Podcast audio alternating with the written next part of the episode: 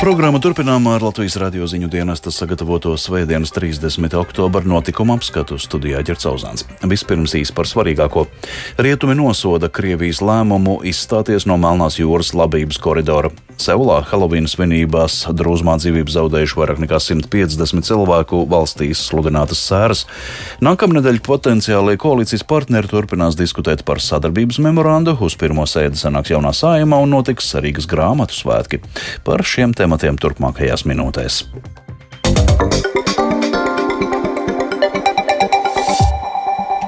Eiropas Savienība un ASV mudina Krieviju pārskatīt savu lēmumu un atjaunot graudu koridoru darbību Melnajā jūrā. Pēc dronu uzbrukumiem militārajiem kuģiem Sevastopolis ostā Krievija paziņoja, ka izstājas no vienošanās par Ukrainas graudu eksporta nodrošināšanu. Jaunāko informāciju par notikumiem Ukrainā apkopojas mūsu korespondents Artjoms Konohaus. Eiropas Savienības augstais pārstāvis ārlietās Žuzeps Borels ir mudinājis Krieviju pārskatīt savu lēmumu pārtraukt dalību Ukrainas graudu koridoru nodrošināšanā Melnajā jūrā. Borels norādīja Twitterī, ka šis solis apdraud galveno graudu un minerālu mēslu piegādes ceļu, kas ļauj mazināt pasaules pārtikas krīze, ko izraisīja Krievijas iebrukums Ukrainā. Kritiskus vārdus pauda arī ASV prezidents Joe Bidenis. Yes,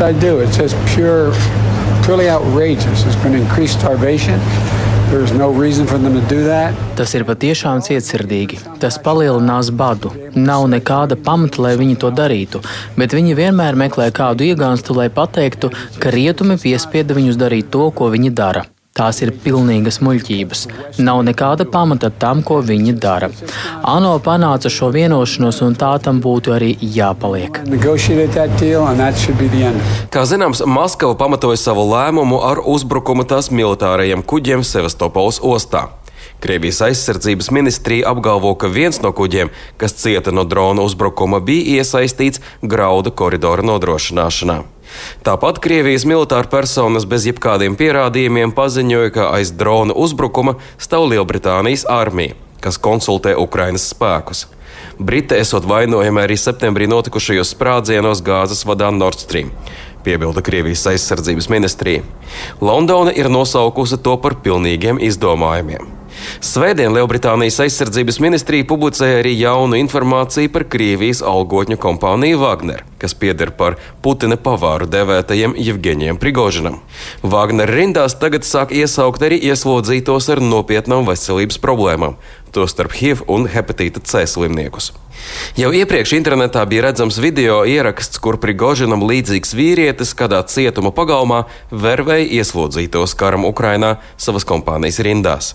Pēc kara viņiem tika solīta atlikušā ieslodzījuma termiņa dzēšana. Tomēr iepriekš Wagner rindās pārsvarā ir dienējuši profesionāli sagatavoti vīrieši, lielākoties bijušie Krievijas karavīri. Prigožina lēmums pazemināt standartus pēc Lielbritānijas izlūku domām liecina, ka viņš dodot priekšroku kaujinieku skaitam, nevis kvalitātei. Šie cilvēki varētu tikt iesaistīti aizsardzības pozīciju veidošanā Ukrainas austrumos. Jāpiebilst, ka Prigožins ir arī vērsies Krievijas ģenerālprokuratūrā ar lūgumu bloķēt YouTube darbību Krievijā. Savu lūgumu viņš pamatoja ar to, ka šī vietne esot pilna ar video, kas ir nepatiesa un diskreditējot Krievijas armiju. Arčuns Konakovs Latvijas Rādio Briselē. Dienvidkorejā šodien izsludināta sēru diena, lai pieminētu vairāk nekā 150 bojāgājušos. Sesdienas naktī Helovīna svinību laikā populārā Seulas nakts dzīves rajonā sākās grūstīšanās. Drūzmā bojāgājušo vidū pārsvarā jaunieši. Par galveno negadījumu iemeslu uzskata sliktu plānošanu un nepietiekamu policistu skaitu svinību norises vietā. Cilvēku pūļi traucējuši mediķiem palīdzēt cietušajiem, turpina Arķums Konohaus. Pirmās palīdzības sniegšanā ir iesaistījušies arī vairāki garām gājēji. Kāda medmāsa, kas bija devusies uz svinību rajonu kopā ar savu meitu, saka, ka ir veikusi mākslīgu elpināšanu aptuveni 20 cilvēkiem. Tomēr viņa no izmisuma raudāja, jo daudz apkārtējiem nespēja atrauties no saviem telefoniem un turpināja filmēt notikušo.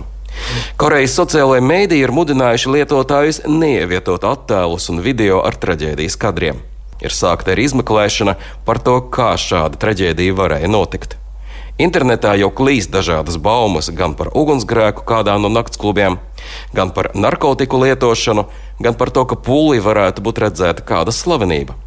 Tomēr apstiprinājuma šādām versijām pašlaik nav. Visticamāk, ka par daudz jauniešu bojā ejas iemeslu kļuva slikta plānošana un nepietiekama pūļa kontrolēšana.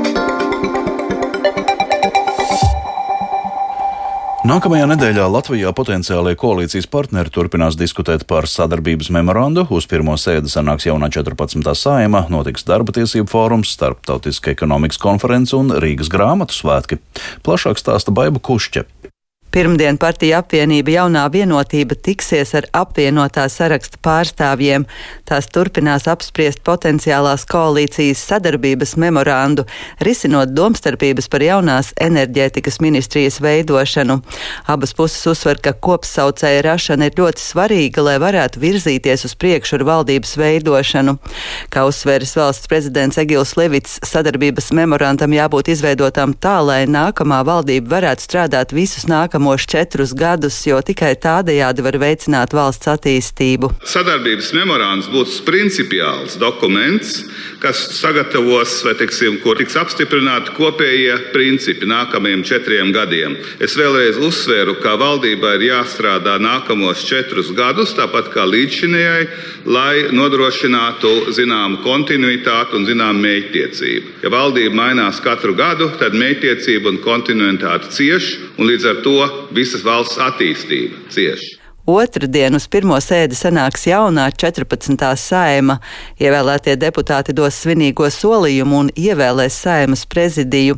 Jaunajā parlamentā strādās politiķi no septiņām partijām un to apvienībām.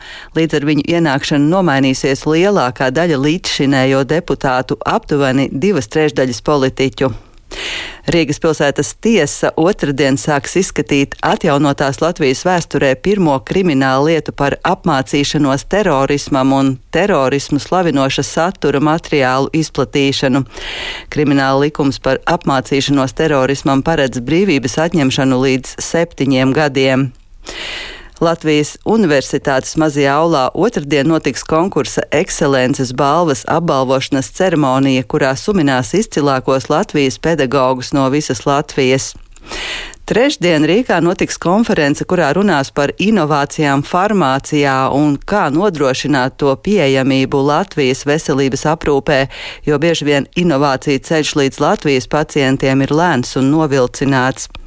Sabiedrības integrācijas fonds savukārt trešdien rīkos ekspertu diskusiju, kurā meklēs atbild uz jautājumu, kas darba vidē ir svarīgāks - dzimums vai profesionalitāte, un kas jādara, lai izceltu tieši profesionalitāti pāri dzimumam. Latvijas Brīvo arotbiedrību savienība ceturtdien rīkos igadējo darba tiesību fórumu, kurā būs iespēja uzzināt visu aktuālāko darba tiesību jomā. Ceturtdien notiks arī konference par Latvijas piensaimniecības nākotni, kā arī starptautiska ekonomikas konference, kuras centrā būs finanšu jomā Latvijā un pasaulē notiekošais. Bet piekdien un sestdien Nacionālajā bibliotēkā notiks Rīgas grāmatu svētki, ko pavadīs kultūras programma ar jaunu grāmatu atvēršanu diskusijām un radošajām darbnīcām bērniem. Baiva Kušķe, Latvijas radio.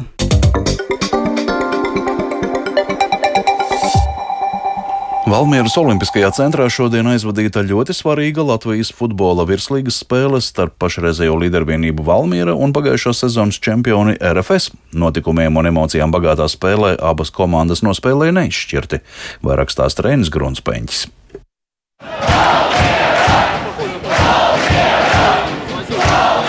Valmieras Olimpiskā centra stadionā šodien valdīja īpaša atmosfēra, jo futbola klubs Valmiera varēja spērt diezgan platu soli pretim savam pirmajam Latvijas čempionu titulam.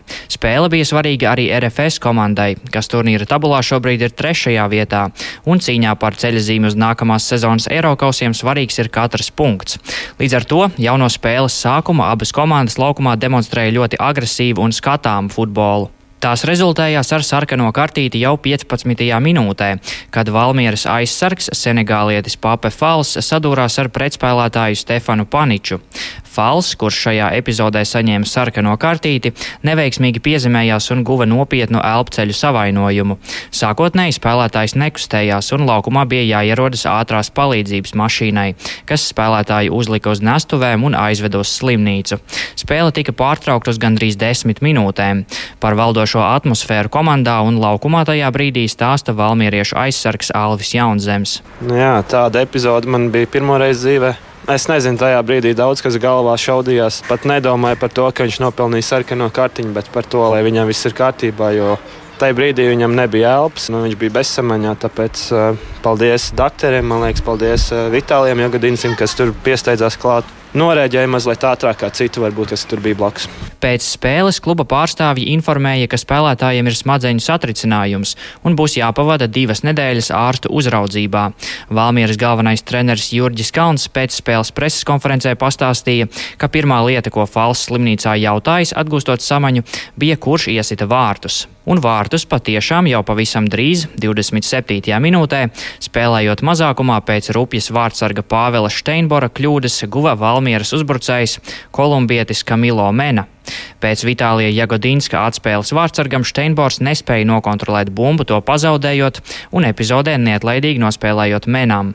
Arī atlikušajā pirmā puslaika daļā turpinājās ļoti ass futbols, un divas piespiedu maiņas savainojumu dēļ nācās veikt arī RFS komandai. Spēles galvenais tiesnesis Andris Streimanis šajā mačā kopumā parādīja vienu sarkano un sešas dzeltenās kartītes. Otrajā puslaikā, kad vēl vairāk pasliktinājās laikapstākļi, vairākumā spēlējošā RFS turpināja presingot.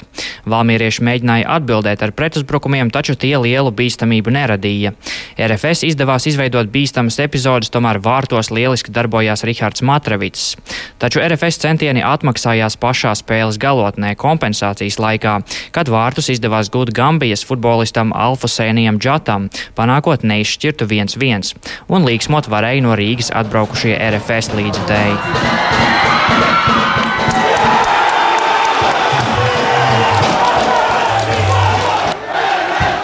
Es neredzēju tagad video, bet es biju vairāk malā, bet tur pret celi kaut kā, kaut kā, un tā bumba ielidoja vārtos. Es vēl cerēju, ka aizmugurē varbūt tiesnesis nosilps, bet nezinu, šoreiz nepaveicās.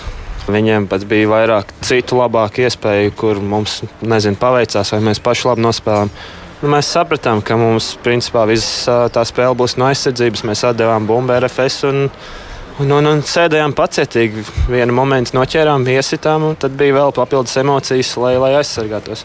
Kausā pret Rīgā mums bija līdzīga situācija, kad arī sākumā dabūjām sarkano kartiņu. Visi spēle spēlēja mazākumā zinājām, ko darīt apmēram, bet, bet līdz beigām šoreiz bija mazliet par maz. Protams, mēs mēģinām neskatīties, mēģinām nerēķināt, bet nu, to ar to saskaries ikdienā. Tu visu laiku redzi tos punktus, un tā uzmanība kaut kur no mēdījiem ir. Bet, uh, Mums viss ir atkal joprojām un atkal ir paši rokās. Mums ir spēle salaspīlī un tad spēle liepā. Ja mēs uzvaram, tad nekas mūs nevar apstādināt no, no titula. Paralēlajā spēlē Liepāja ar 4-1 pārliecinoši uzvarēja Tukuma futbolistus. Kad līdz sezonas beigām katrai komandai palikušas tikai divas spēles, situācija turnīra tabulā ir ļoti interesanta. Līdera ir Valmiera ar 79 punktiem, tai sako FC Riga ar 78, trešā ir RFS ar 72, bet ceturtā Liepāja ar 69 punktiem. Intriga saglabājas gan par titulu, gan ceļa zīmi uz Eirokausiem. Reinis Grunspēņķis, Latvijas radio. Bet Latvijas Nacionālajā operā šovakar starptautiskā vokālista konkursā Operālija galā koncerts. Latvijas Nacionālās operas orķestri diriģēs maestro Placido Domingo, kurš ir konkursa izveidotājs un vadītājs. Leģendārais operas dziedātājs sacīja, ka priecājas viesoties Latvijā. There is not another country in Europe that has Eiropā nav daudz valstu, kuras var lepoties ar tik daudziem izciliem opera dziedātājiem. Esmu laimīgs, ka pirmo reizi varu rīkot operālijā šajā brīnišķīgajā un muzikālajā valstī Latvijā. Ir patīkami būt šajā vēsturiskajā teātrī, kur savu karjeru ir sākuši mani brīnišķīgie kolēģi Aleksandrs Antoņenko, Elīna Garanča, Marina Rebeka, Kristīne Opolais, maestro Andris Nelsons. Ar vairumu no viņiem esmu kopā muzicējis. Katru no viņiem es And I admire all of them. Līdz ar to izskan Svētdienas 30. oktobra notikuma apskats producents Viktors Pupiks, par labskaņu rūpējās Renāšu Tēmans un Mārtiņš Paeglis, studijā Ģercauzāns. Vēl par svarīgāko rietumi nosoda Krievijas lēmumu izstāties no Melnās jūras labības koridora. Seulā Helovīna svinībās drūzmā dzīvību zaudējuši vairāk nekā 150 cilvēku, valstī izsludinātas sēras. Nākamnedēļ uz pirmo sēdi sanāks jaunā saima, notiks darba tiesību fórums un Rīgas grāmatu svētki. Yeah.